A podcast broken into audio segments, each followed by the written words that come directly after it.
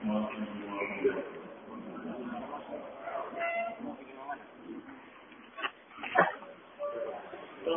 لله نحمده ونستعينه ونستغفره ونعوذ بالله من شرور انفسنا وسيئات اعمالنا من يهده الله فلا مضل له ومن يضلل فلا هادي له اشهد ان لا اله الا الله وحده لا شريك له وأشهد أن محمدا عبده ورسوله. يا أيها الذين آمنوا اتقوا الله حق تقاته. ولا تموتن إلا وأنتم مسلمون. أما بعد فإن أحسن الكلام كلام الله وخير الحديث هدي محمد صلى الله عليه وسلم.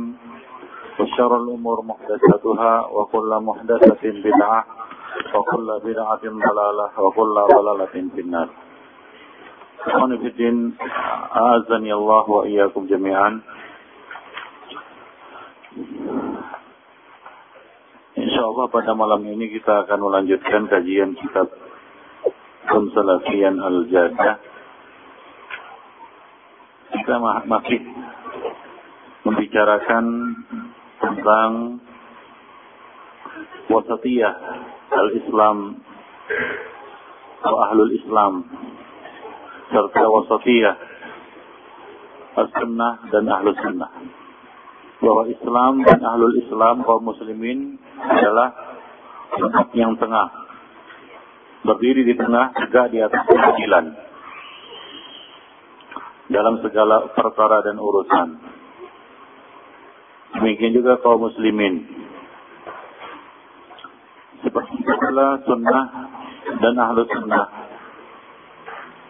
mereka adalah umat yang wasat, golongan yang wasat, golongan yang berdiri di tengah, juga di atas keadilan, zahirina alal haq. Ini adalah sifat yang membedakan mereka dari kelompok-kelompok bid'ah yang ada. Kita telah mengupas secara garis besar, tidak secara terperinci, beberapa kelompok-kelompok yang keluar dari sunnah dan jatuh pada bentuk bulu fitin. Ya, berlebih-lebihan di dalam urusan fitin. Baik itu di dalam urusan akidah, ibadah, akhlak dan muamalah. Tiga atau empat kelompok yang sudah kita kupas dan dijadikan sebagai contoh Batiniyah, Syiah, ya, kemudian Mu'tazilah, ya, kemudian Asy'ariyah. Nah, pada malam ini kita akan mengambil misal yang ke keempat atau kelima ya, kita pisahkan antara Batiniyah dan Syiah. Yaitu tasawuf atau sufiyah. Sufiyah adalah sebuah umat. Kalau kita telusuri, ia bisa digolongkan sebagai satu golongan yang diri sendiri. Walaupun pakar-pakar tasawuf masih berbeda pendapat tentang asal usul mereka. Dari mana awal mulanya muncul istilah tasawuf. Ada yang menyebutkan karena mereka pakai baju wol yang terbuat dari suf. Suf artinya baju yang terbuat dari kain wol. Maka mereka disebutkan kepada pakaian ini, sufiyah. Orang-orang yang mengenakan kain wol. Ada yang mengatakan mereka dikatakan sufiyah karena mereka memiliki salaf yaitu ahlu sufah. Ya, mereka adalah ahlu sufah dan berlaku seperti ahlu sufah hidup seperti ahlu sufa. Tapi ini adalah keliru dalam bahasa. Ya, karena kalau kalaulah ya nisbat itu kembali kepada sufa, maka bukan sufiyah. Ya, bukan sufiyah. Itu tidak dikenal di dalam bahasa. Nah, dalam bahasa Arab sendiri tidak ada atau tidak dikenal kata sufiyah. Ya, kemungkinan ini dari bahasa Ajam, yaitu non Arab, atau pendapat ulama tadi mereka dikatakan sufiyah karena mereka mengenakan baju yang terbuat dari wol. Sepertinya ini yang lebih dekat. Karena sufiyah ini ya menggambarkan diri mereka itu orang-orang yang melarat. Menjauhkan diri dari dunia. Zuhud kata mereka. Zuhud versi sufiyah meninggalkan kemewahan. Ya, meninggalkan kenikmatan. Walaupun kenikmatan yang boleh. Sehingga mereka meninggalkan mencari nafkah meninggalkan menuntut ilmu, meninggalkan menikah, ya, dan kenikmatan-kenikmatan duniawi lainnya. Lalu mengenakan kain-kain yang kasar, yaitu kain wol. Maka mereka pun dikenal dengan sebutan sufia. Ini orang-orang yang suka mengenakan baju kasar, yaitu kain wol. Tentunya kalau kita berbicara tentang sufia, Nah ini tidak cukup waktu untuk membahasnya dalam kesempatan yang singkat. Tapi di sini kita akan mengupas ya, garis besar sehingga kita dapat mengenal ya lebih jauh lagi ya apa itu sufia. Kalau kita ingin mengenal sufia, tentunya kita harus mengetahui tarikh-tarikh, kelompok-kelompok dan tokoh-tokoh yang ada di dalam golongan ini. Ya, setiap tarekat sufiah biasanya itu dinisbatkan kepada pendirinya. Nah, ini sifat kita katakan golongan-golongan di dalam sufi ini. Ya, setiap tarekat sufiah hampir semua itu dinisbatkan kepada tokoh pendirinya. Contohnya, ya beberapa tokoh tarekat sufiah, tarekat-tarekat sufiah yang masyhur seperti Iqtiyah. Ya, disebut kepada Al-Imam Al-Sikti. Kemudian Al-Junaidiyah, Al-Imam Al-Junaid. Kemudian Al-Qadiriyah, Abdul Qadir Al-Jilani. Kemudian Syadiliyah, ya kepada Al-Imam Syadili. Kemudian Ar-Rifaiyah, Al-Ahmadiyah. Kemudian juga An-Naqsyabandiyah, Al-Khalwatiyah, Al-Maraghiyah dan As-Sahrawurdiyah, Samaniyah dan lain-lain sebagainya. Itu adalah tarekat-tarekat suci yang dinisbatkan kepada pendiri-pendirinya. Ya, kepada pendiri-pendirinya. Pendiri-pendirinya inilah yang yang menggaris uh, memberikan garis ibadah ya berupa zikir, bacaan-bacaan wirid dan seterusnya bagi pengikut-pengikutnya. Dan memiliki tarekat sendiri di dalam zikir dan ibadah-ibadah mereka. Ya, maka setiap tarekat itu goyangannya lain. goyangannya lain, ya. Nah, punya ciri khas sendiri. Ya, yang dari goyangan itu, ya ada kalimat yang diucapkan, ya apa diketahui, nah ini tarekat mana ini. Ya, atau dari wirid-wiridnya. Ya, sebenarnya ya wirid ya dan dalam sufi itu cuma satu bagian dari bagian yang banyak di dalam ajaran sufi. Ya, nanti akan kita jelaskan. Nah, di sini sekarang kita ingin mengenal akidah sufi atau akidah tasawuf. Ada beberapa pilar-pilar ya didirikannya pemikiran tasawuf. Karena pemikiran tasawuf tidak akan tegak kecuali dengan perkara-perkara berikut ini. Yang pertama adalah mereka mengenal istilah ilmu ladunni. Ilmu ladunni. Dalam hal ini mereka mengambil firman Allah Subhanahu wa taala wa 'allamnahu min ladunna ilma. Surat Al-Kahfi ayat 65. Ini dijadikan dalil oleh mereka adanya ilmu ladunni.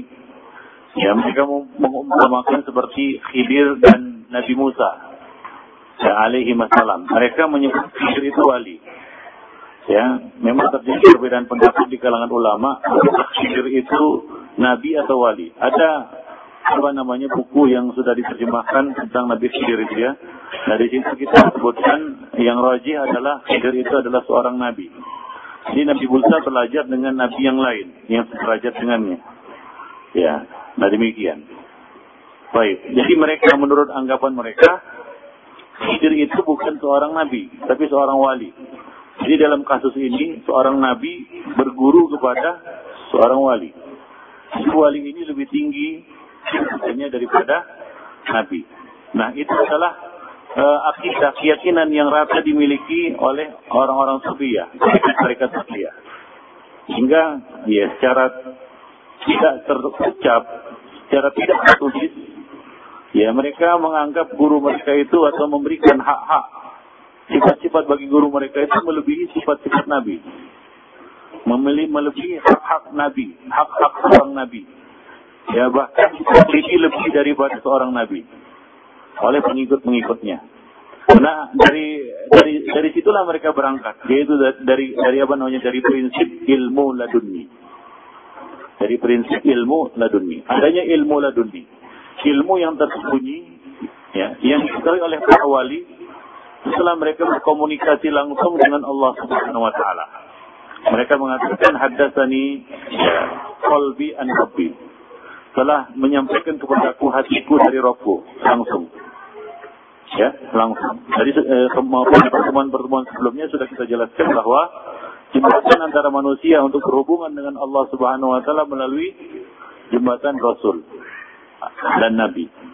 Karena wahyu tidak akan diberikan kecuali para rasul dan kepada para rasul dan dan nabi. Nah, orang sufi ini atau uh, orang-orang tasawuf, orang-orang sufi potong pangkat. Ya, mereka tidak mau melalui jalur para nabi. Mereka langsung. Nah inilah yang dimaksud dengan ilmu laduni. Ya sebenarnya munculnya istilah ilmu laduni ini untuk memangkas dan untuk memutus ilmu syar'i. Khususnya ilmu hadis. Yang menjadi musuh besar ya ilmu tasawuf. Ya, boleh anda mengetahui bahwa musuh besar ilmu tasawuf itu ilmu hadis. Bahkan tidak dikatakan tidak akan bisa bertemu dua hal ini. Seperti tidak bertemunya antara minyak dengan air. Begitulah tidak akan bertemu antara ilmu hadis dan ilmu tasawuf. Orang yang belajar tasawuf, belajar ilmu hadis, ya, cacing dia. Ya, seolah-olah dia ingin mencuci otaknya.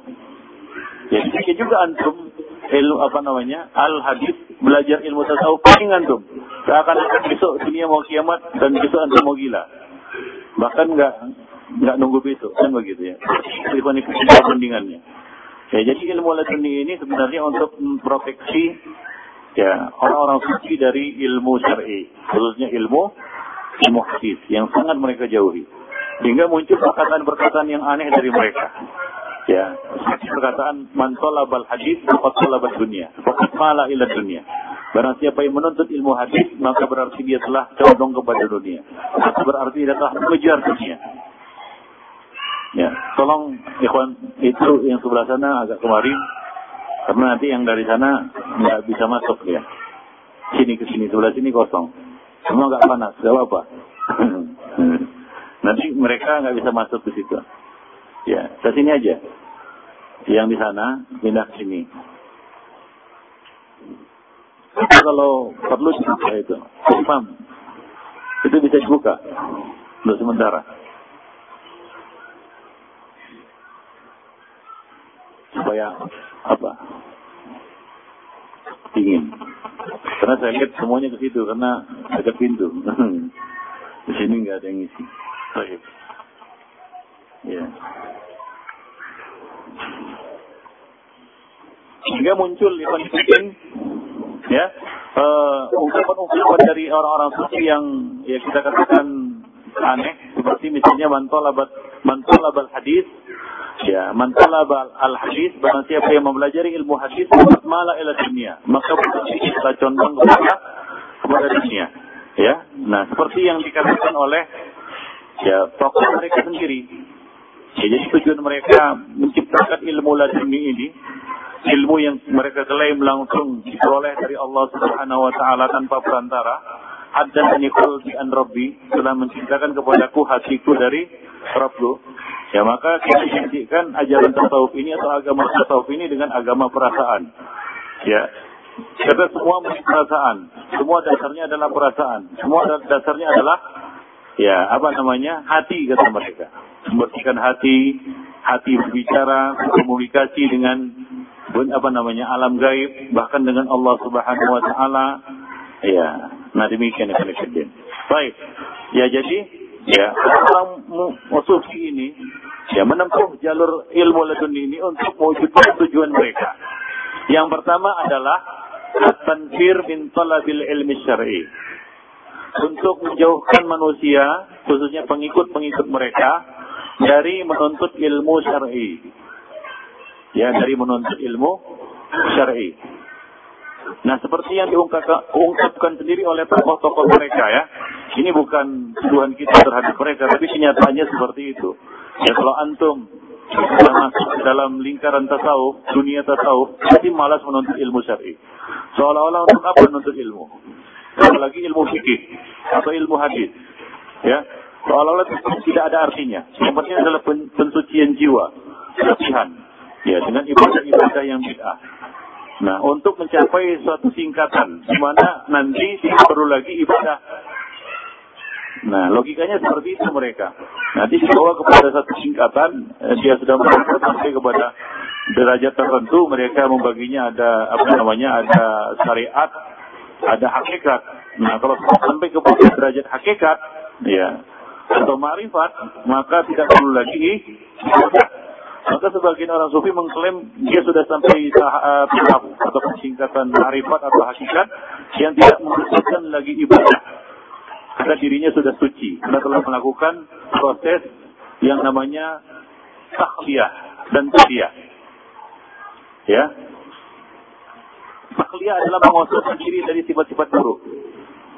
Tahliyah adalah menghiasi diri dengan apa? Latihan-latihan ya ibadah rohani. Seperti puasa dengan ya cara mereka sendiri ya. Zikir zikir sholat sholat yang semuanya tanpa tuntunan. Ya tentunya. Nah mereka sudah melakukan proses apa? Ya tahliyah dan tahliyah ya hingga sampai kepada ya, apa namanya tingkatan makom ya yaitu makom ma'rifah ya makom di mana mereka tidak perlu lagi ibadah bahkan sampai pada tidak perlu lagi meninggalkan yang haram. Maka bolehlah yang haram-haram yang sebelumnya mereka tinggalkan, begitulah mereka berpindah dari satu kutub ke kutub yang lain yang sangat berbeda. Ya, dulunya mereka mungkin tidak minum khamar, setelah jadi apa namanya, setelah jadi apa kita katakan wali, ya justru ya minum khamar Ya, maka kita lihat orang-orang yang sudah sampai kepada tingkatan tertentu itu mereka minum khamar, diskotik minum khamar. Ya, sanggainya ki kan begitu ya. Ya, ki. Sonik mungkin. Ya seperti itu. Ya, itu maruf di Jawa. Yang baru-baru lalu yang dipanggil dan sholatnya itu pakai bahasa Indonesia. Wah, dia biasa keluar masuk di sholat. Kenapa? Karena sampai kepada tingkatan marifah. Mungkin sholat pun enggak dia. Nah, karena sholatnya pakai bahasa Indonesia kan begitu. Nah demikian Ibn Jadi mereka ini ya sengaja menciptakan ya ilmu laduni ini untuk tujuannya satu at-tanfir min talabil ilmi syar'i ya untuk menjauhkan manusia ya sejauh-jauhnya dari menuntut ilmu syar'i. Ya, jadi antum jangan jadi agen sufi. Ya. antum kok antum jangan jadi agen sufi yaitu menjauhkan manusia dari majlis ilmu syar'i. Karena itulah yang diinginkan oleh orang-orang sufi. Nah, kalau antum ya mengajak orang untuk justru tidak tidak salim, tidak menuntut ilmu, ya antum menjadi apa namanya uh, iklan gratis bagi bagi sufi. Jadi sufi nggak perlu capek-capek lagi mengutus mengirim utusannya ke ke yang namanya ke, ke, ke sini untuk menjauhkan uh, manusia dari apa? Dari ilmu syar'i Fanifidin. Apa yang dikatakan oleh Al-Junaid? Dia katakan, Uhibbu mubtadi yaitu aku aku rekomendasikan katanya ya untuk para pemula. Maksudnya pemula di sini adalah pemula orang yang baru belajar ya, baru belajar mengawali belajar ilmu tasawuf. Nah, bagi para pemula yang baru ikut-ikut belajar tasawuf, yang baru ikut belajar tasawuf, ya baru sekali dua kali pertemuan ya Allah yastaghila qalbahu bihadhihi salat janganlah dia menyibukkan hatinya ya, ya artinya menyibukkan dirinya dengan tiga tiga perkara berikut ini ya yang pertama wa illa taghayyarat hala haluhu kalau tidak keadaan berubah artinya ilmunya akan mentah nggak akan masuk ilmunya, ilmu tasawufnya. Ya, yaitu al-kasbu wa talabul hadis wa, wa tazawuj. Yang pertama mencari nafkah. Yang kedua, menuntut ilmu hadis, talabul hadis. Dan yang ketiga adalah menikah. Jadi orang-orang sufi rata-rata ya meninggalkan mencari nafkah. Ya, lalu mereka pergi ke masjid, lalu di masjid mereka doa. Ya Allah, berikanlah aku rezeki. Ya Allah, berikanlah aku rezeki. Kan begitu ya. Tawakal kepada Allah subhanahu wa ta'ala katanya. Ya, meminta rezeki kepada Allah di masjid. Lalu kita pergi ke ke pasar untuk berniaga. Untuk mencari nafkah. Jadi mereka meninggalkan asbab. Nah ini adalah ciri-ciri agama sufi. Ciri-ciri pemikiran sufi. Yaitu malas mencari nafkah. Kalau mencari nafkah itu untuk kebutuhan siapa? Untuk kebutuhan dirinya. Maka dari itu kenefidin dulu para nabi, ya mereka hidup dengan dari apa? Hasil kerja tangan mereka sendiri. Lalu apa orang sufi? Apa yang dilakukan oleh orang sufi? Orang sufi lebih bangga dia hidup dari hasil meminta-minta. Jelas orang orang lain. Ya, dia dikir di apa namanya masjid dalam kondisi yang apa namanya kita katakan mengenaskan lah. Ya membuat orang kasihan kemudian diberi santunan diberi apa namanya diberi bantuan diberi sedekah.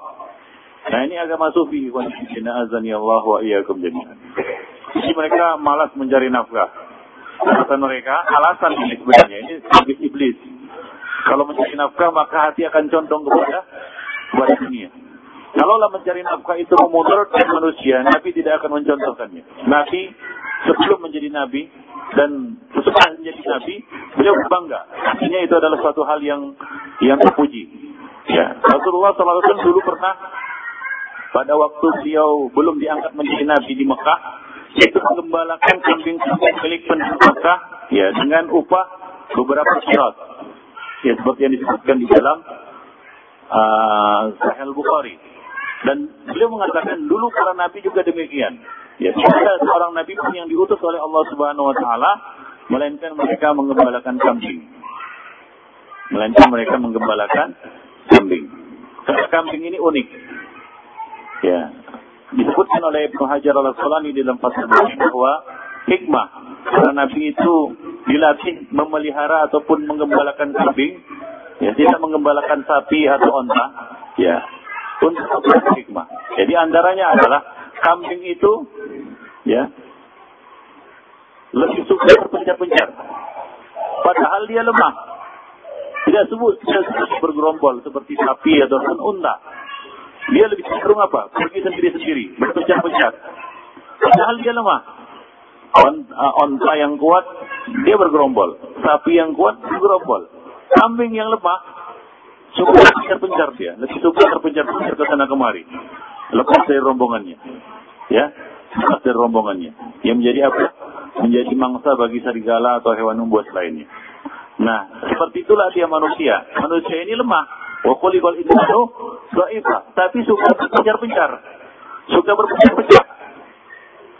Suka demikian.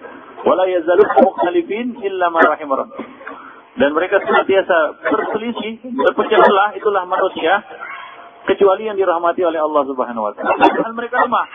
Wa khuliqal insanu dha'ifa, persis seperti kambing, domba. Maka mungkin juga ada ya itu apa namanya ungkapan itu lalu dipakai oleh orang-orang Nasrani sekarang kan begitu ya selamat apa yang sesat itu katanya ini pengumpamaan yang sudah ada mungkin sejak dulu. Ya. Manusia ini mirip mirip kambing sebenarnya. Ya. Ya. Yang suka berpencar-pencar padahal dia dia lemah. Begitulah manusia. Susah untuk diatur. Ya. Saya itu kan ya. Wa kana insanu aktsaru syai'in manusia itu adalah makhluk yang susah membantah. Ya, keras kepala, susah diatur. Maka mesti dilatih untuk memelihara kambing. Intinya kita kembali kepada topik. Ya, bahwa para nabi dulu, ya mereka berusaha. Mereka mencari nafkah untuk kehidupan mereka. Lalu apa yang dilakukan oleh orang sufi? Mereka meninggalkan itu.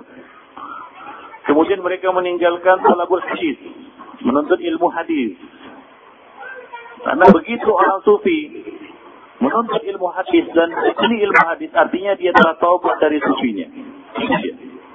Kalau benar-benar yang menekuni ilmu hadis dan belajar ilmu hadis dan mengamalkannya, maka itu artinya dia telah taubat dari sufinya, lepas dari sufinya. Ibarat seorang dia membuang jimatnya, ya, nggak mengamalkan lagi apa syarat-syaratnya. Lalu dia rajin sholat, kan begitu ya, hilang jimatnya. Seperti itulah sufi kalau belajar hadis. Maka jauh-jauh hari Al-Junaid mereka ya apa namanya memperingatkan para pengikutnya untuk tidak menuntut ilmu hadis. Kemudian menikah atau zawuj menikah. Di antara kebiasaan orang-orang sufi adalah mengembara. Mereka suka mengembara. Ya salah satu ciri sufi dan ajaran sufi adalah mengajak orang-orang untuk mengembara, berjalan ke sana kemari tanpa tentu arah dan tujuan yang jelas.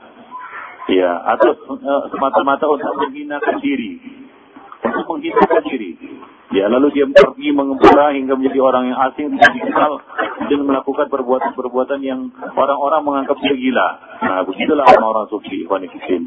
Azani Allah wa iyyakum jami'an.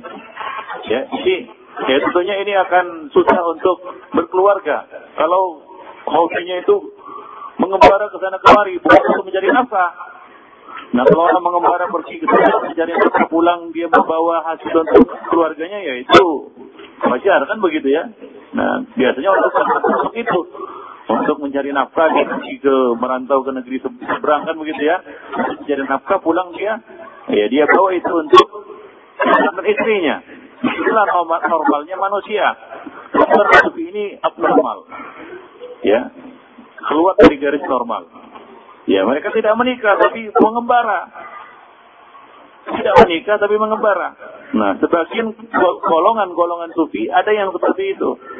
Ya, kurus tidak jauh beda seperti itu di Mengembara ke sana kemari alasannya dakwah. Padahal yang dibawa keluar bukanlah orang yang berilmu. Dan nggak ngerti ya, dakwah aja tidak tahu apa itu dakwah. Tapi disuruh dakwah, coba bayangkan. Dakwah, nggak tahu dia. Ya, kodan lagi apa yang akan disampaikannya. Nah, dengan menelantarkan anak dan istri. Anak dan istri ditelantarkan.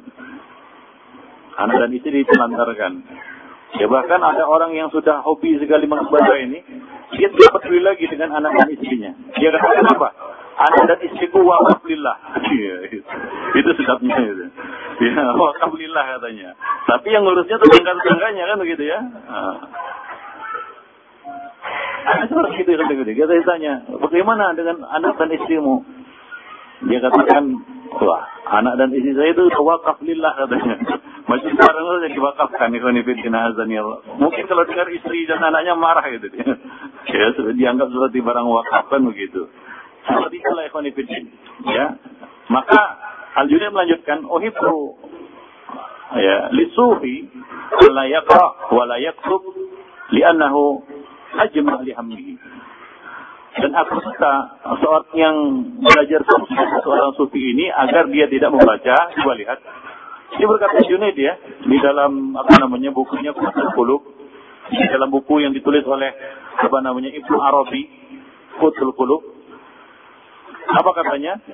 Aku suka orang sufi itu satu tidak membaca, yang kedua tidak menulis, yang ke, ya, kenapa? Kenapa? Li'annahu ajma' lihammi. Karena itu lebih memusatkan konsentrasinya.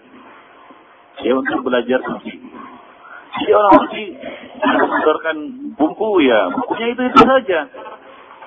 Ya, nggak akan bertambah bukunya itu itu saja kan ya. Dari dari apa namanya, dari ya dari dulu sampai sekarang ya bukunya itu, itu saja, nggak berkembang. Kenapa? Karena memang tidak membaca.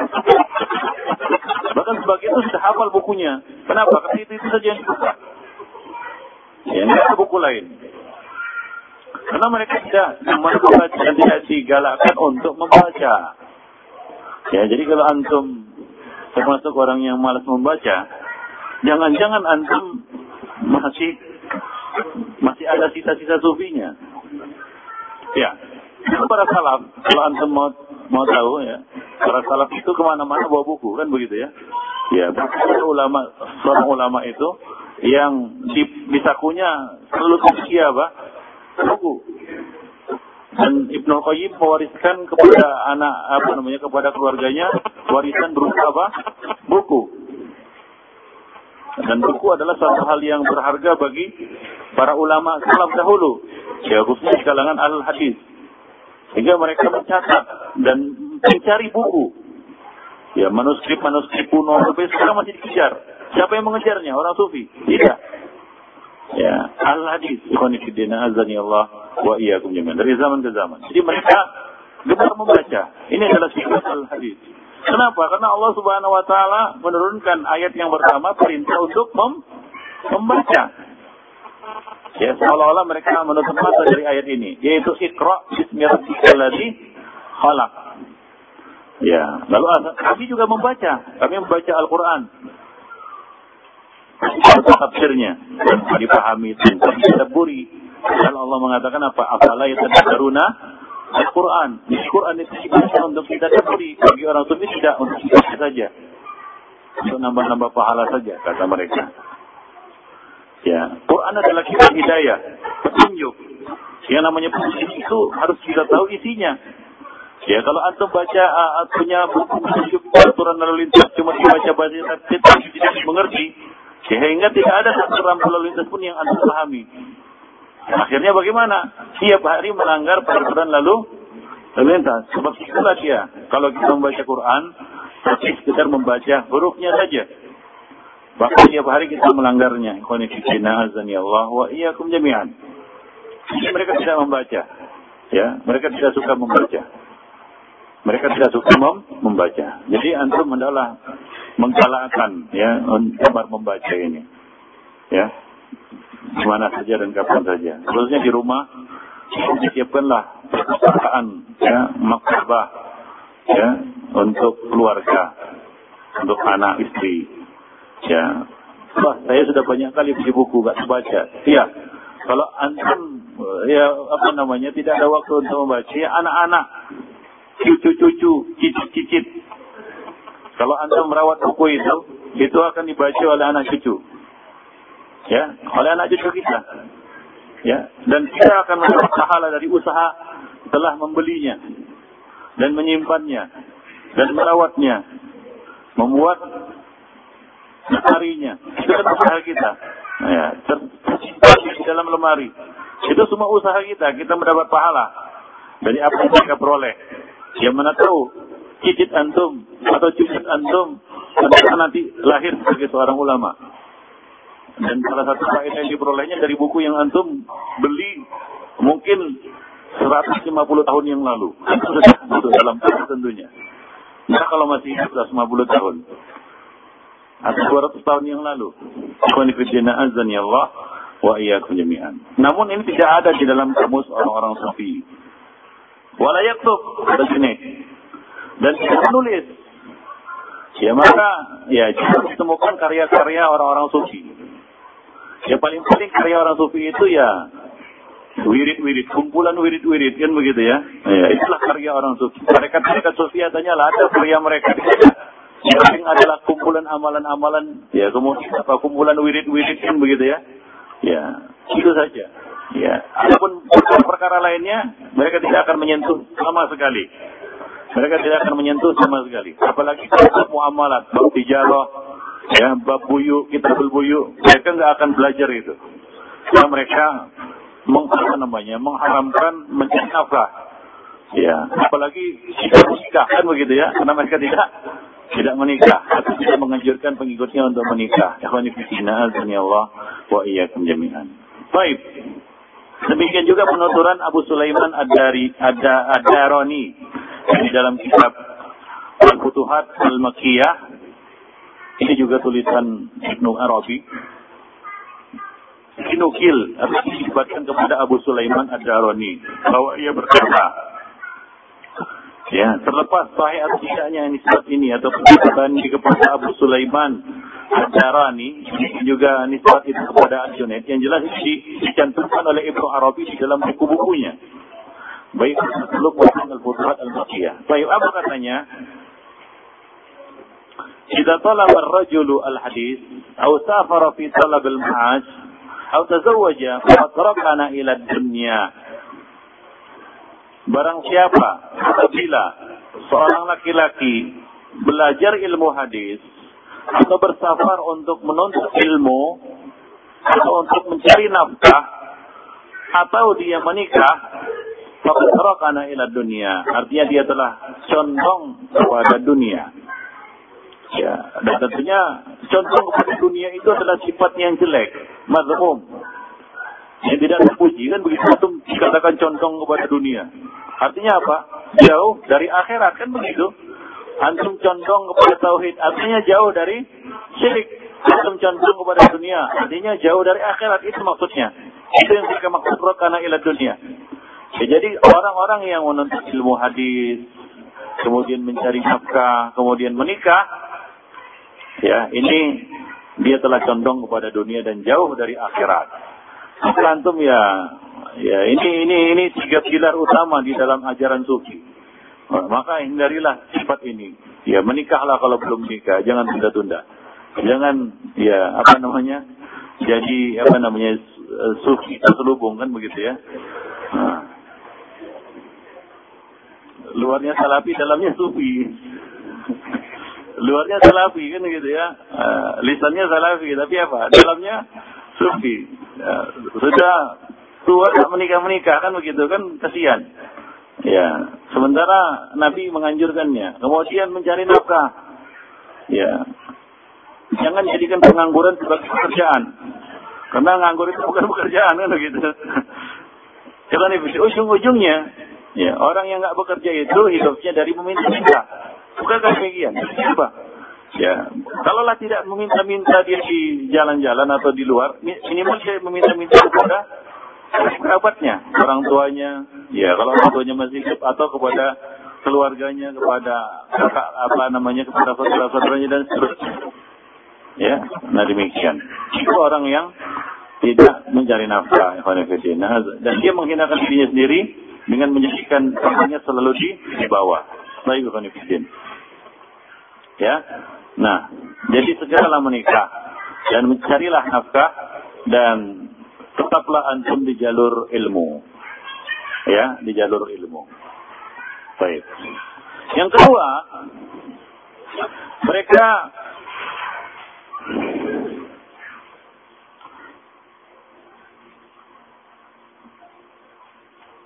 berdasarkan ilmu laduni ini tujuannya adalah untuk hadmu isnadil hadis. Untuk merubuhkan ilmu sanad ilmu riwayat.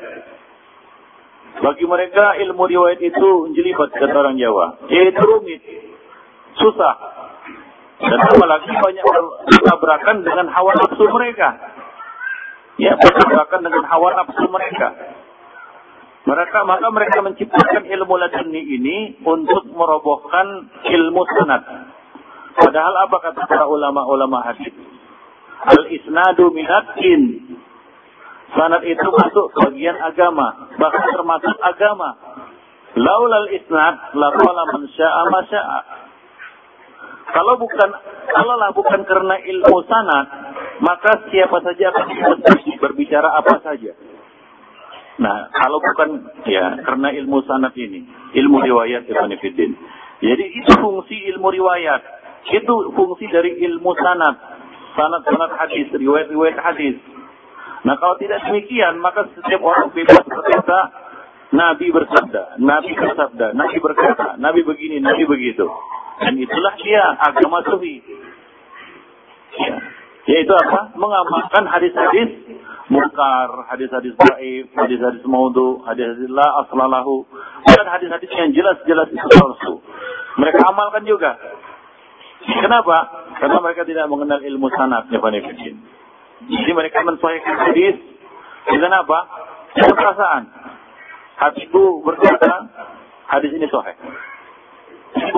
Dengan apa namanya dengan sanad adanya ilmu sanad adanya fulan an fulan an fulan. Mereka bahkan mereka melecehkan dan mereka mencemooh dengan mengatakan kalian wahai Allah mengatakan an fulan an fulan dan an fulan. Mana si fulan? Sudah mati.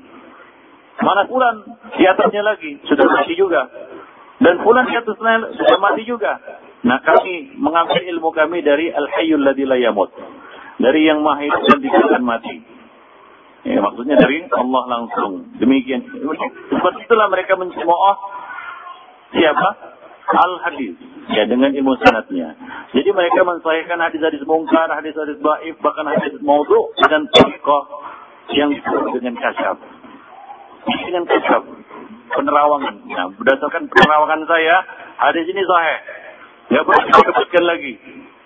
Pokoknya sahih. Mau didoifkan Albani, mau itu ada di silsilah doifah, itu tidak peduli. Itu bukan ukuran. Nah, demikian juga mereka menerawang, ini hadis doif. Jadi kerja mereka mensahihkan yang doif dan mendoifkan yang sahih. Sehingga hadis-hadis yang jelas-jelas sahih, mereka doifkan. Contohnya hadis yang paling tidak sesuai dengan apa namanya hawa nafsu mereka adalah hadis ya istiraqul ummah. Istiraqul ummah. Satafariku ummati ala salasin wa sab'ina firqah kulluha fi dar illa wahida. Ma'ana alaihi wa ashabi. Itu berat bagi orang sufi. Ya. Karena kata ma'ana alaihi wa as ashabi. Itu berat bagi orang-orang sufi. Lalu mereka menggantinya dengan mengatakan kulluha fil jannah illa wahidah. Semuanya dalam surga. Ya. Jadi tidak satu jalan menuju Roma kata mereka. Bisa dari jalan Tarikoh ini, Tarikoh ini, Tarikoh mereka banyak. Tidak satu jalan ke Roma kata mereka. Jadi mereka mengatakan Tarikoh ini semuanya walaupun berbeda dikit-dikit tapi menuju kepada tujuan yang sama, target-target yang sama. Yaitu sepuluh salam kata mereka. Apa? Sepuluh salam. Yaitu ke Jannah Darussalam. Ya, nah demikian. Hakikatnya sama. Walaupun tarikat-tarikatnya berbeda. Itu kata mereka ya. Jadi berat bagi mereka untuk menerima hadis ala salasin wa Dari mereka, ganti itu. Mereka taifkan itu. Lalu mereka ganti dengan hadis yang lain. Ini dipalsu oleh seorang zindik. Ya. Itu apa? Kullu hafil jannah illa wahida. Wa zindik. Itulah dia zindik. Katanya. Nah ini hadis jelas daifnya. Yang saya adalah kulu hafin benar. Nah demikianlah kerja orang-orang suci ini membolak balik. Yang daif jadi sahih, yang sahih jadi daif. Nah dalam hal ini, ya Abu Yazid al-Bustami mengatakan, Akhasum ilmakum mayitan an mayitin. Kalian mengambil ilmu kalian dari orang mati, dari orang mati. Artinya dari orang sudah mati. Dari orang yang sudah mati. Wa akhadna ilmana anil hayy alladhi la yamut.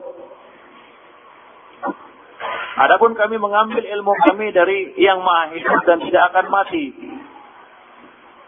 Ya perlu amsaluna orang-orang orang-orang kami itu orang-orang sufi maksudnya mengatakan hadatsani qalbi an rabbi. Telah menceritakan kepadaku hatiku dari Rabbku. Sementara kalian mengatakan hadatsani fulan wa aina huwa? Qalu mata.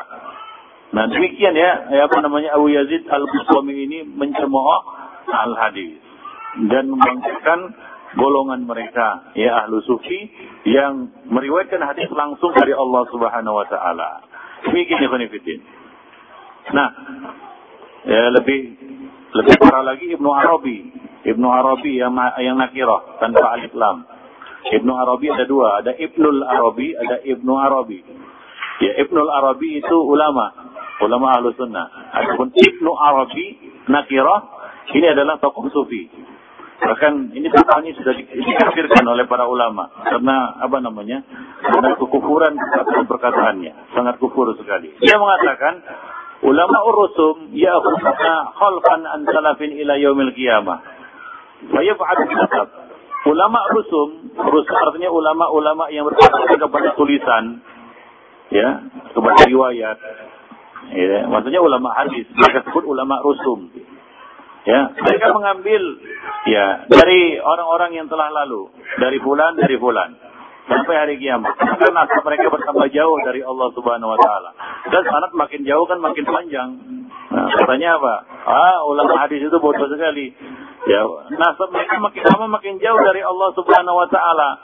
Ya kan kalau dulu Bukhari sampai kepada Rasulullah minimal itu tiga, ya maksimal ada lima atau tujuh. Nah, di bawah Imam Bukhari, ya misalnya Ibnu Hajar al Asqalani, dari Ibnu Hajar al Asqalani ke Al Imam al Bukhari itu tiga puluh. Nah, Nah kalau dari kita sampai ke Ibnu Hajar berapa pula? Mau 100 orang kan begitu ya berarti panjang lantatnya kata kata siapa? Kata Ibnu Arabi ini. Saya bodoh nasab itu jauh katanya. Wal aulia ataupun para wali maksudnya tokoh-tokoh sufi yakhuduna anillah. Ya. Alqahu fi sudurihim. Mereka mengambil ilmu dari Allah. Ya, Allah langsung menghujamkan ilmu itu ke dalam dada mereka. Ya, Allah langsung menghujamkan ilmu itu ke dalam diri mereka. Nah, ini perkataan Ibnu Arabi. Jadi, ya, uh, ya uh, apa namanya? Salah satu tujuan mereka dengan ilmu laduni ini adalah untuk apa? Untuk meruntuhkan ilmu sanad. Yang ketiga, Ikhwan Ifidin, ya, tujuan mereka menciptakan ilmu laduni ini adalah agar mereka menjadikan talabul ilmi itu, menuntut ilmu syariat itu adalah aurat dan tasyidan lil ma'asi wal akhta. Artinya, barang siapa yang menuntut ilmu, ilmu syar'i, maka itu adalah aurat, artinya satu hal yang cacat, celah. Dan sabil, jalan untuk maksiat dan jatuh dalam kesalahan. Ini anggapan orang-orang sufi. Maka coba lihat sebagian kelompok apa kata mereka? Kalian kalianlah yang membahas masail, kami masail saja. Karena kalau masail nanti kita berpecah, maksiat aja kita katanya. Dosa aja kita nanti kalau belajar masail. Nanti kita pecah. Ya, nanti kita saling benci. Ya. Nanti kita tidak saling bertegur sapa dengan belajar masail. Nah, kalianlah yang belajar masail, kami belajar fadail. Sebagian kelompok ada seperti itu. Maka seperti jemaah publik mengatakan khusus membahas fadail. Di sini nggak membahas fadail katanya. Tapi kami membahas apa? Fadail. Nah, mirip ya, hampir mirip dengan ya, itulah dia ajaran sufi. Mereka mereka pandang ya masail maksudnya belajar ilmu syariat itu maksudnya masail.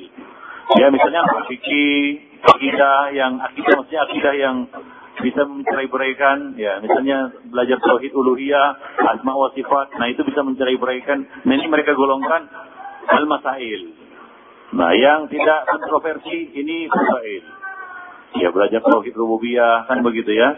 Kemudian belajar yang ya apa namanya fadail amal-amal yang utama. Nah ini tidak tidak menimbulkan kontroversi. Ya tidak memecah belah tidak jatuh dalam celah tidak jatuh tidak menjadi stabil jalan kepada maksiat. Ini yang menurut anggapan mereka. Seperti yang di apa namanya ceritakan oleh Ibnu Jauzi, Ibnu Jauzi menceritakan bagaimana orang-orang sufi ini apa namanya melecehkan ya uh, talabul ilmi, menuntut ilmu. Ya, anna syaikhan sufiyan ra'a muridan wa biyadihi mihbara. Ada seorang syekh sufi, kiai sufi, melihat muridnya memegang apa? Mihbara, tinta, pena, memegang pena. Itu apa? Tanda menuntut tanda menuntut ilmu. Tanda dia sedang belajar lah begitu ya. Pun ya belajar. Biasanya kan kalau belajar hadis kan ya tidak tidak ketinggalan itu pena dan buku kan begitu ya. Nah kalau belajar suci nggak perlu pena dan buku karena nggak ada mencatat. Yang perlu apa? Bawa aja cabai. Kalau kayak nangis gini yang gitu. Nah, supaya nangis kan begitu.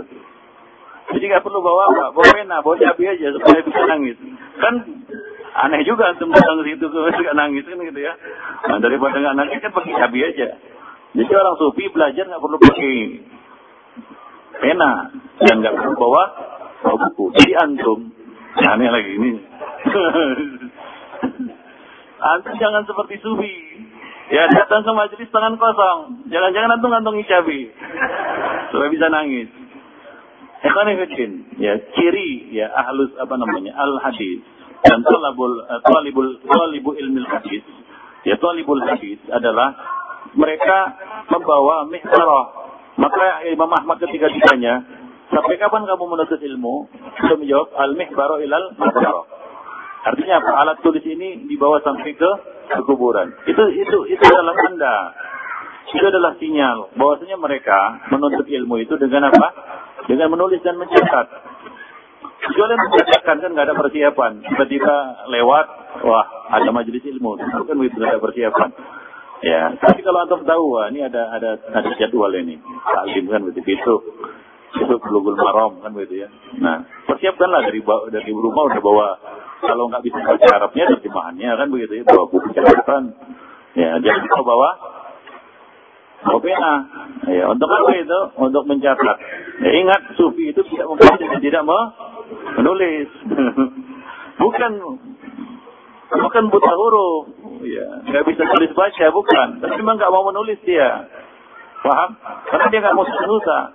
Dia mau simpel-simpel saja kan begitu ya. Nah demikian. Itu cara pikir orang sufi Iwan Ibidin. Nggak mau susah-susah dia. Nggak, nggak, dia nggak apa namanya nggak mau beli bagaimana susahnya mengetahui satu hakikat ilmiah. Nah itu nggak ada dalam kamus. Ya, cukup dengan perasaan saja. Nah, kita kan nggak seperti itu Iwan Ibidin. Ya jadi ya buanglah kebiasaan orang-orang sufi ini yaitu ya tidak apa tidak mencatat ilmu. Faqala maka syekhnya ini, kiai ini berkata kepada muridnya itu. Ya, apa atau adab? Engkau telah meng menghinakan membuka atau membongkar sau adab, artinya aibmu.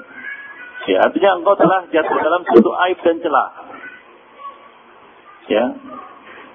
Sau'ah artinya aurat. Artinya engkau membuka auratmu. Orang yang membuka auratnya kan itu buka apa? Anunya kan begitu ya. Artinya dia telah jatuh dalam kehinaan. Karena orang yang siapa saja yang telah membuka anunya kan begitu itu artinya apa? Jatuh dalam kehinaan. Orang pasti menganggapnya wah kali hina kali dia kenapa? Membuka auratnya. Ya membuka auratnya. Nah demikian. Apa kata kiai tadi? Ah, kamu telah membuka auratmu. Kalau sudah jatuh menghinakan dirimu sendiri. Jadi demikian Fiddin. Bahkan ya ini adalah ungkapan orang sufi ya dan masuk populer di kalangan mereka. Apa kata mereka? Jadi itu dijadikan satu kita jadikan apa? Patah lah mereka. Apa kata-kata mutiara? Nah, kata-kata mutiara apa itu? Maka nasehu kitab atau akbar min Barang siapa yang bukunya kitab maka ya barang siapa yang gurunya ya. Barang siapa yang syekhnya kitab ya gurunya itu kitab maka kesalahannya lebih banyak daripada benarnya. Salahnya lebih banyak daripada benarnya. Maksud dari ungkapan ini barang siapa yang belajar eh, dengan kitab dengan memakai kitab eh, ada pegangan kan begitu ya nah itu kan ciri ahlus sunnah ya ciri ahlus sunnah itu ngaji itu pakai pegangan Ya, kadang-kadang ada ya kita katakan nih eh, Imam selalu kalau mengisi ya, ya mengisi maksudnya di sini adalah memberikan ceramah ataupun memberikan pelajaran selalu beliau berpatokan kepada kitab. Ya, mengkaji kitab. maksudnya. Jadi ini yang digalakkan oleh ulama-ulama dahulu mereka mengkaji kitab. Ya, tiap kajian itu dengan kitab. Itu ciri-ciri ahlu sunnah wal jamaah. Ciri-ciri ahlu hadis. Jadi dengan sufi. Sufi tidak pakai kitab. Kalau pun pakai kitab, kitabnya itu, itu saja. Dari dulu ke dulu nggak akan berganti itu kitabnya. Itu itu saja. Nah demikian Karena mereka mengatakan barang siapa yang gurunya kitab, maka salahnya lebih banyak daripada benarnya. Salahnya lebih banyak daripada benarnya. Baik. Ya ini terbalik ini sebenarnya. Barang siapa yang nggak punya kitab ya tentunya le lebih salah, lebih banyak salahnya daripada benarnya. Yang pakai kitab lebih selamat. Kenapa? Karena ada pegangan. Ada rujukan, ada referensi. Bahkan kalau bisa tidak cukup dengan satu kitab, harus dengan banyak kitab rujukan. Begitu ya. Nah demikian ikhwanifidina azani Allah wa iyyakum jami'an. Baik. Bahkan uh, satu kisah, kisah ini dijadikan bahan kolok-kolokan ya uh, oleh orang-orang sufi, ya ada orang yang menuntut ilmu hadis, bahwa satu ada satu masjid, ya di situ orang-orang sufi berkumpul, ya mereka mereka bisa salim dengan menggunakan lilin, ya lilin. Nah, tiba-tiba pada satu malam, ya lilin itu padam, dinyalakan padam, dinyalakan padam ini kisah mereka lah kan begitu ya. Mereka jadikan satu apa namanya? Mereka suka berdalih dengan dengan berargumentasi dengan kisah, cerita kan begitu. Ini mereka mereka yang um, buat untuk apa? Untuk menjauhkan manusia dari? Ilmu syar'i. Ya. Lilin itu nggak bisa nyala dia. Begitu dinyalakan, padam, jalangan padam. Itu maksudnya ini, kiainya ini.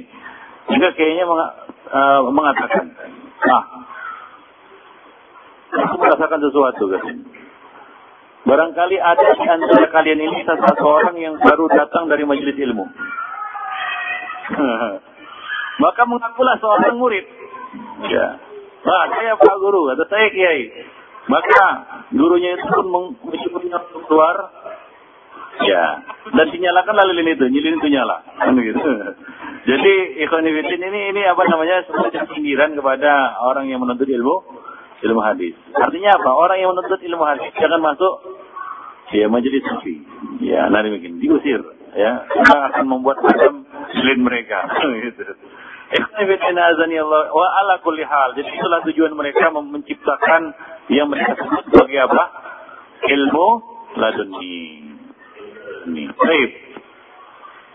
Nah di antara ajaran uh, Ibn Fitina azani Allah wa satu pengaruh dari ilmu laduni ini adalah taklid yang muncul di kalangan mereka. Taklid. Ya, Mewabahnya terjadi di kalangan orang-orang sufi. Ya, dari apa? Dari ilmu laduni ini. Ya, karena ya siapa yang bisa berhubungan dengan Allah Subhanahu wa taala? Nah, orang-orang yang sudah mencapai tingkatan tertentu. Tingkatan apa itu? Hakikat dan marifat. Artinya apa? Yang masih tingkatan syariat harus taklid. Sampai dia jadi hakiki. Atau seorang yang ma'rifah. Ahli ma'rifah barulah dia bisa berhubungan langsung dengan Allah, tidak perlu takdir lagi. Orang lain yang takdir dengan dia. Nah seperti itu konfidina azani Allah wa iyyakum. Jadi muncullah sikap taklid di kalangan orang-orang sufi. Ikhwan fillah azani Allah wa iyyakum jami'an. Ada satu hakikat yang perlu di apa namanya kita katakan perlu kita uh, sampaikan di sini. Ini sebenarnya disampaikan oleh Ibnu Jauzi ya di dalam Talbis Iblis. Pernah saya sampaikan juga, tapi tidak mengapa di sini kita sampaikan secara garis besar. Ya mengenai Talbis Iblis terhadap orang-orang suci. Ya, beliau mengatakan i'lam anna awwal talbis talbis iblis 'ala nas sadhum anil ilmi. Ini ungkapan yang bagus dari Ibnu Jauzi. Ketahuilah bahwasanya tipu daya iblis pertama terhadap manusia adalah menghalangi mereka dari ilmu. Menghembang mereka dari ilmu. Ya, menjauhkan mereka dari ilmu. Liannal ilma nurun. Karena ilmu itu cahaya. Fa'idha atfa ma Apabila Iblis berhasil memadamkan cahaya mereka, khabbatahum fid dhalam. Maka Iblis akan melemparkan mereka ke dalam kegelapan. Kaifasya. Menurut kehendaknya semau apa namanya se sekehendak iblis ya wa dakhala ala sufiyah fi hadzal apa namanya al fan min abwa nah dalam hal ini iblis ya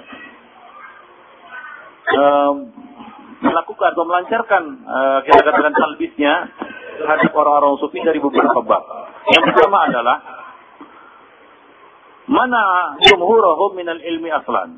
Iblis menghalang orang-orang sufi, bahkan jumhur sufiyin, jumhur ahlu sufi ini dari ilmu. Sama sekali. Mereka tidak mau menuntut ilmu. Bahkan Al-Imam Syafi'i mengatakan, perkataan Imam Syafi'i yang masyhur, apa itu? Khusus tasawuf alal kasal. Dasar asas tasawuf, ajaran tasawuf itu adalah al-kasal, malas. Malas nuntut ilmu kan begitu ya? Malas apa lagi? Malas kerja. Kemudian apa lagi? Malas nikah. Nggak mau punya anak. Intinya kan malas menjadi anak ya malas lah semuanya mengatakan kemalasan. Maka ilah Imam Syafi'i mengatakan usus tasawuf adalah kasal. Asas ajaran tasawuf itu adalah malas. Lihatlah orang-orang sufi pemalas malas. Malas bekerja kan begitu ya? Malas bekerja. Tidur tiduran ya nanti doa lagi zikir doa zikir kan itu saja. Itu saja pekerjaannya Ya, apalagi menuntut ilmu yang harus buka-buka buku kan begitu ya. Harus membaca, harus menulis, harus mencatat, harus ini dan harus itu. Mereka tidak mau dengan rutinitas seperti itu. Mereka lebih memilih malas. Hindari kemalasan itu Ibn Karena salah satu di antara asas dari ajaran tersebut adalah al-kasal, yaitu rasa malas. Baik. Nah kemudian yang kedua, annahu kon qanna aqau qanna qaumun minhum bil yasir minhu. Sebahagian orang-orang sufi itu merasa puas dengan sedikit ilmu yang mereka miliki. Maka perlu pun dari mereka ilmu yang banyak. Ya, sedikit ilmu. Bukan tidak berilmu sama sekali. Mereka berilmu tapi puas dengan apa? Dengan yang sedikit puas dengan yang sedikit. Nah ini merupakan talbis iblis kepada orang-orang sufi. Puas dengan yang sedikit. Ya. Dalam hal ini, ya mereka mengatakan menuntut ilmu itu, ya, bukanlah tujuan. Yang menjadi tujuan adalah apa? Adalah amal. Maka mereka pun tidak bersemangat untuk menuntut ilmu, lebih bersemangat untuk beramal. Hingga kita dapati, ya amal-amal orang sufi ini jauh dari ilmu, jauh dari dalil, nggak mengerti dalil. Nah itu merupakan talbis iblis yang ketiga, ataupun uh, kita katakan uh, iblis yang ketiga terhadap sufi di dalam bab ini, yaitu apa? Auham minhum an al-amal. Ya, nah seperti ya, ungkapan-ungkapan sebagian orang sufi, ngapailah rajin-rajin untuk ilmu. Yang penting kan amal, bukan ilmu. Talbis, ini talbis, talbis iblis. Nah kalau ada yang bicara seperti itu, ingatkan bahwasanya itu adalah ya suara sufi. Suara sufi bunyinya seperti itu. Ya kita suara kita bagaimana? Bunyi kita bagaimana? Al ilmu qabla al qawli wal amal. Nah itu bunyinya salafi. Tapi kalau bunyinya sufi apa? Al-maqsud al-amal. Walaysa al-ilm. Maksud yang jadi maksud dan tujuan itu adalah amal bukan ilmu. Itu bunyinya sufi Iwanifidin. Jadi bunyinya salafi apa? Seperti yang dikatakan oleh Al-Imam Al-Bukhari rahimahullah. Al-ilmu qabla al-qawli wal wal amal. Karena dalam hal ini Ya Allah Subhanahu wa taala telah mengecam dua kelompok yang sesat. Ya, yang pertama al-ilmu tanpa amal, yang kedua al-amal tanpa ilmu. Allah Subhanahu wa taala menggolongkan mereka sesat, walad dalin, bukan jalan orang-orang yang sesat. Siapa orang-orang yang sesat? Orang-orang Nasrani yang beramal tanpa ilmu ikhwan Maka coba lihat bid'ah yang ada pada umat Nasrani mirip ya seperti yang ada pada umat Sufi. Ya seperti rahbaniyah, hidup kecintaan, tidak menikah, kan begitu kan? Itu kan hidup-hidup gaya suci. Ya, apa dasar Nasrani? Al-amal bila ilm, beramal tanpa ilmu ikhwan fillah.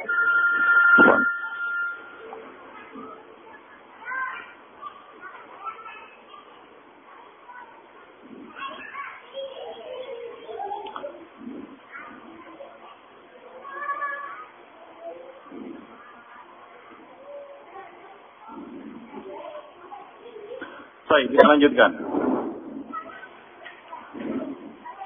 Kemudian yang ketiga, eh, yang ke berapa? Keempat, ya.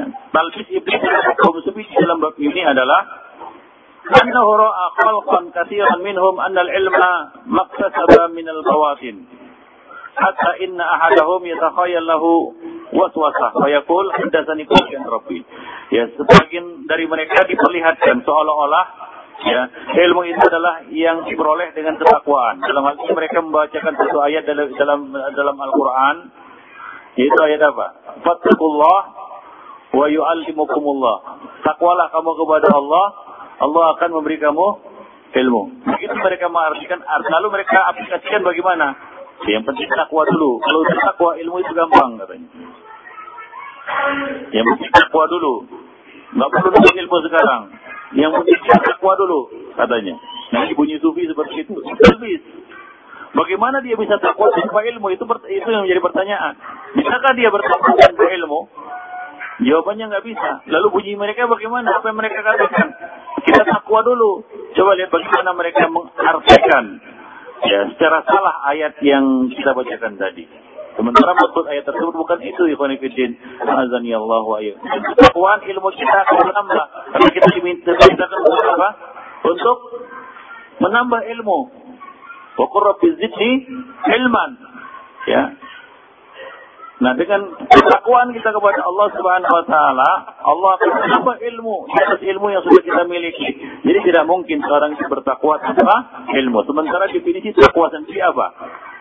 An ta'budallah ala nurin min Allah ya tarju sawa wallah engkau ber, apa namanya menyembah Allah Subhanahu wa taala ala nurin min Allah di bawah bimbingan ilmu dari Allah Subhanahu wa taala. Jadi bertakwa itu memerlukan ilmu.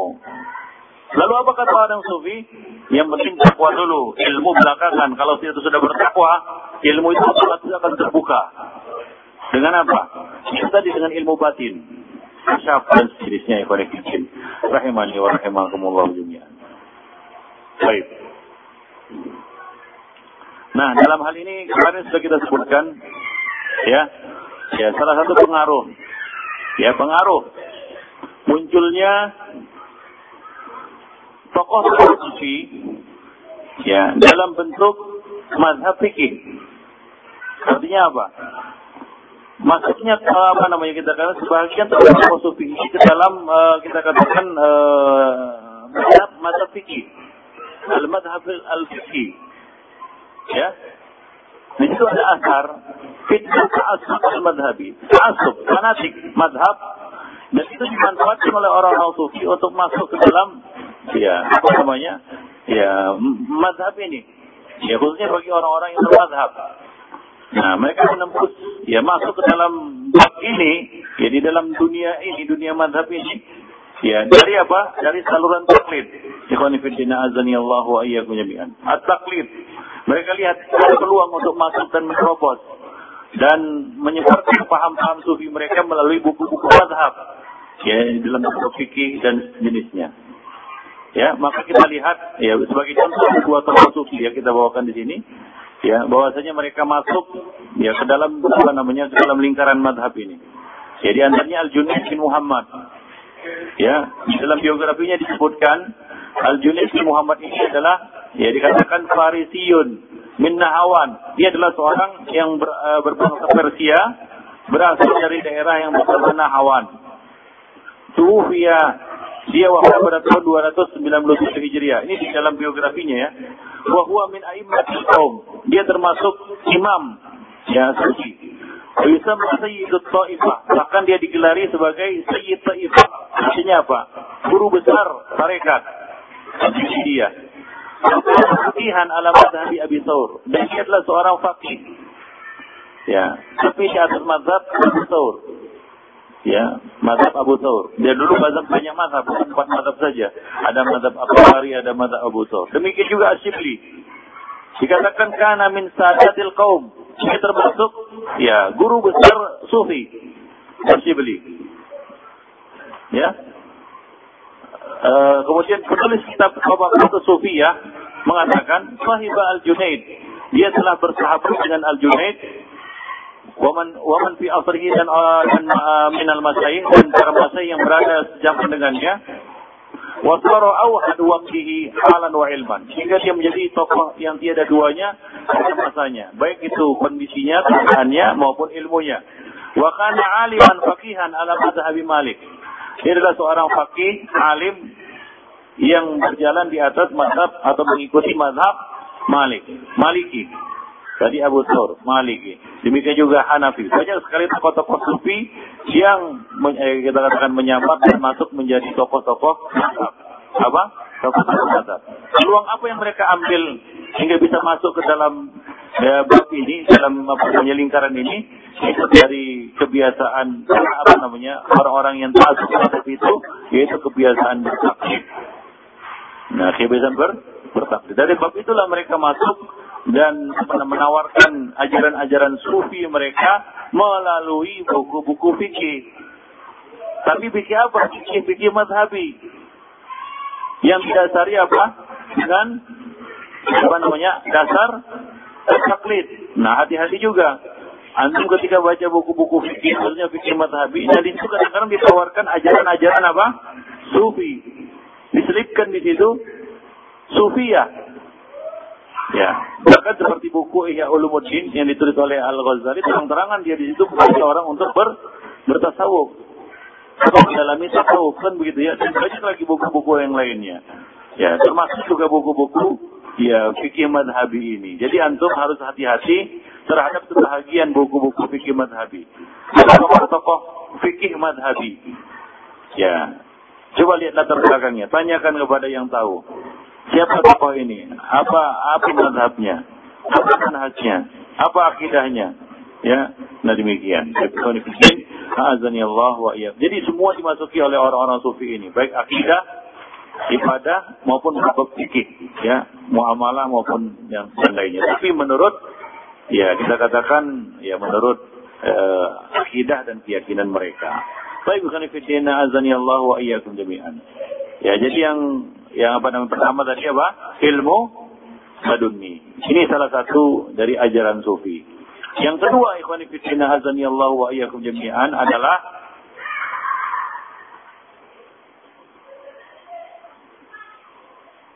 al-hulul wal ittihad. Apa?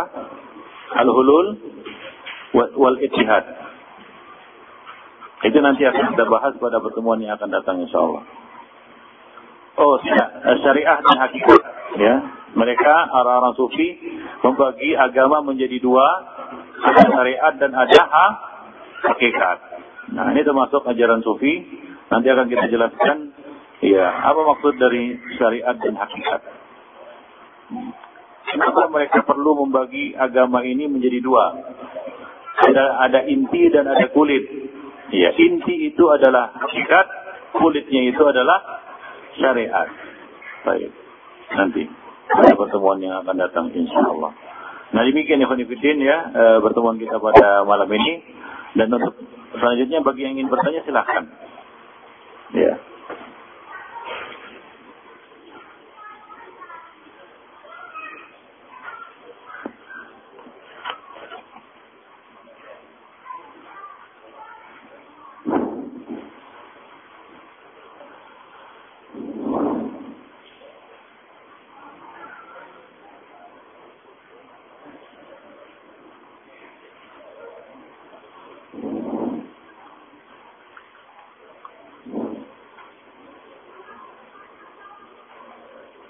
ada yang bertanya bagaimana Imam Ibnu Hajar al Asqalani dalam beberapa penjelasannya dalam kitab beliau yang seolah-olah tasawuf itu adalah bagian dari keislaman.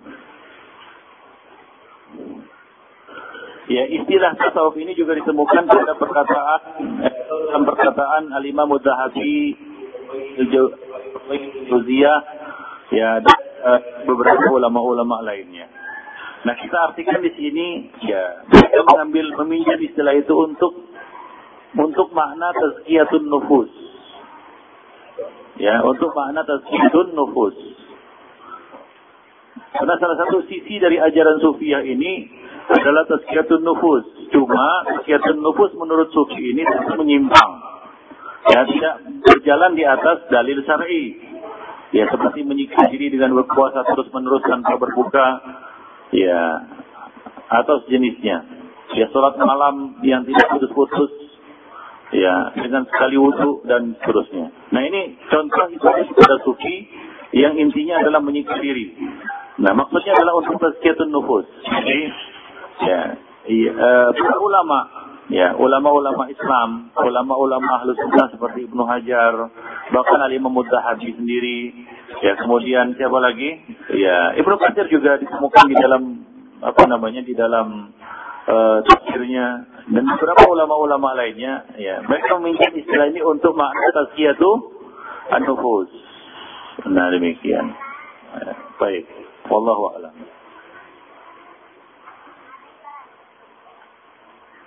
Dan ini juga menunjukkan besarnya pengaruh, ya sebenarnya ingin kita bahas lebih panjang lagi tadi, besarnya pengaruh, ya apa namanya, ajaran sufi itu masuk ke dalam buku-buku fikih.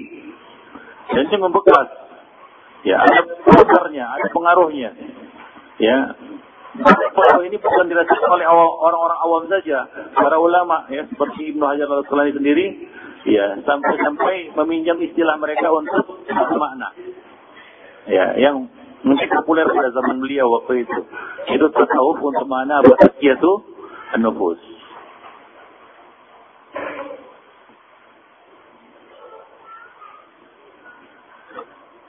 Sebagian ulama ahlu sunnah ada beberapa yang tidak menikah seperti Al-Imam Nawawi. Apakah itu ini termasuk talbis iblis? Ya, tidak semua orang yang tidak menikah itu kena talbis iblis. Mungkin ada faktor-faktor lain, faktor X yang kita tidak ketahui. Ya, kewajiban kita adalah berhusnuzon terhadap para ulama. Ya, hal ini mereka bukan seperti orang sufi. Kenapa? Ya karena mereka menuntut ilmu hadis dan mereka mencari suka dan mereka menulis dan membaca. Nah kalau lengkap itu semua sifat seperti itu barulah mungkin ya ini ya sufi kan itu. Enggak, ini kita nggak kerja lagi, nggak ada karyanya, nggak ada tulisannya, nggak membaca juga.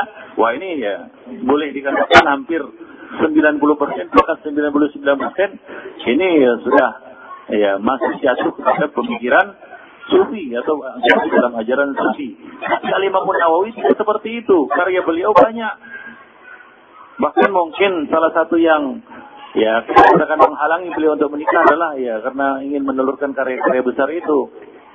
Ya, banyak sekali karya Imam Nawawi Al-Muhadzab kan begitu ya. Sahih Sarah Sahih Muslim. Banyaklah.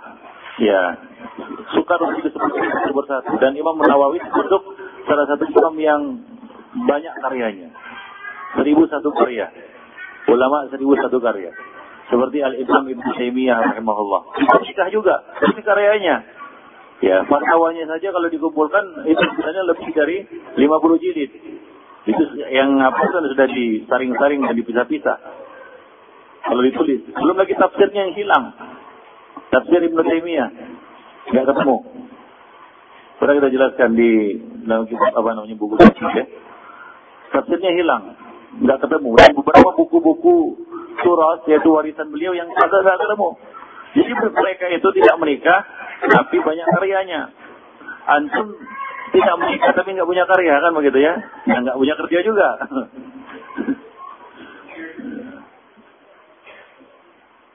Nganggur lagi kan dicurigai lah.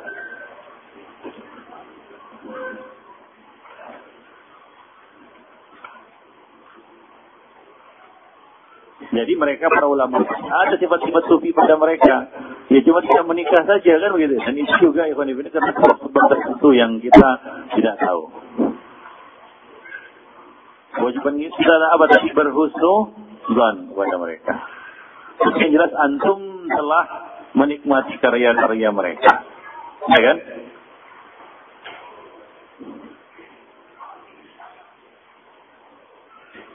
Ustaz, bolehkah kita menggunakan rokok herbal? Apa bedanya dengan rokok biasa? Ada pula rokok herbal. Isinya apa? Apa soda? Hah? Ciri? Hah? Sudah ada. Iya, akhirnya ada karena kebanyakan di sini.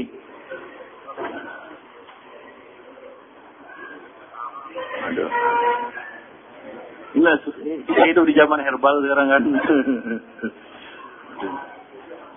Kenapa harus bersabu dengan dengan dengan rokok tembakau? Banyak cara.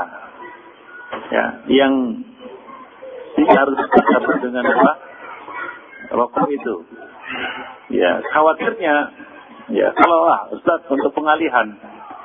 Sebenarnya alihkan orang yang ngerokok tembakau itu serokok herbal. Uh, kita katakan ya, itu tidak cukup. Kenapa? Karena nanti orang-orang akan susah membedakan dia sedang merokok herbal atau tembakau kan begitu ya. Yang masih punya punya apa namanya punya candu ya dengan tembakau dia sudah mau menghilangkannya. Ya, karena dia lihat orang-orang merokok herbal, ya gatal lagi mulutnya ingin coba rokok tembakau karena itu candu ya. Nah, itu candu itu nggak main-main. Ya, kalau dia sudah tinggalkan, mencoba lagi, balik lagi dia. Bahayanya seperti itu. Nah jadi kalau bisa, kalau bisa, herbal ini janganlah dalam bentuk rokok. Ya, cari aja bentuk yang lain, yang lebih selamat. Kan begitu. Nah, Allah alam ada rupanya ya. Pakai tembakau. Oh. Pakai madu juga. Pakai madu ada. Jadi kayak gini juga. Oh, gitu ya.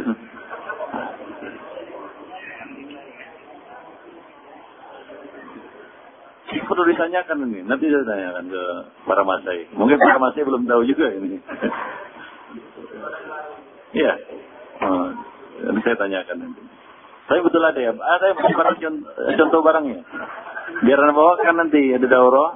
Saya bawakan. Ini kayak gini boleh nggak? Saya rokok ini tapi herbal. Abah sauda. Asal madu kan gitu. Tambah jahe kan gitu ya.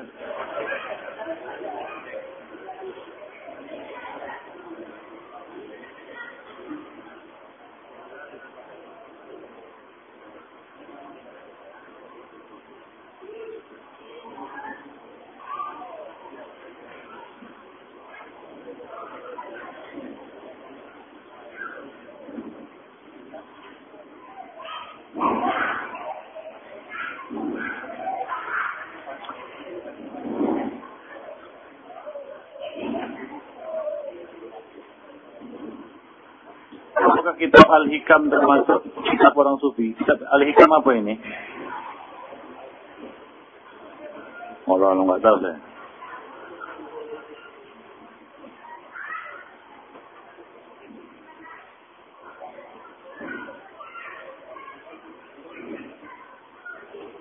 Boleh zakat mal dikeluarkan lebih cepat dari haulnya? Boleh. Ya boleh. Boleh dikeluarkan lebih cepat dari haulnya ya. Uh, itu ada di hadis ya. Uh, Al Abbas bin Abdul Muttalib diberikan oleh Rasulullah keringanan untuk mengeluarkan zakat hartanya sebelum jatuh haul. Boleh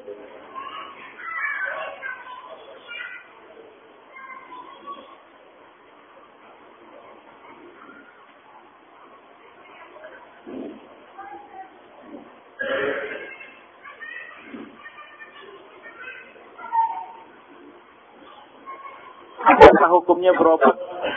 Nah ini perlu nih. Ini bagus juga ini. Ini terakhir pertanyaannya.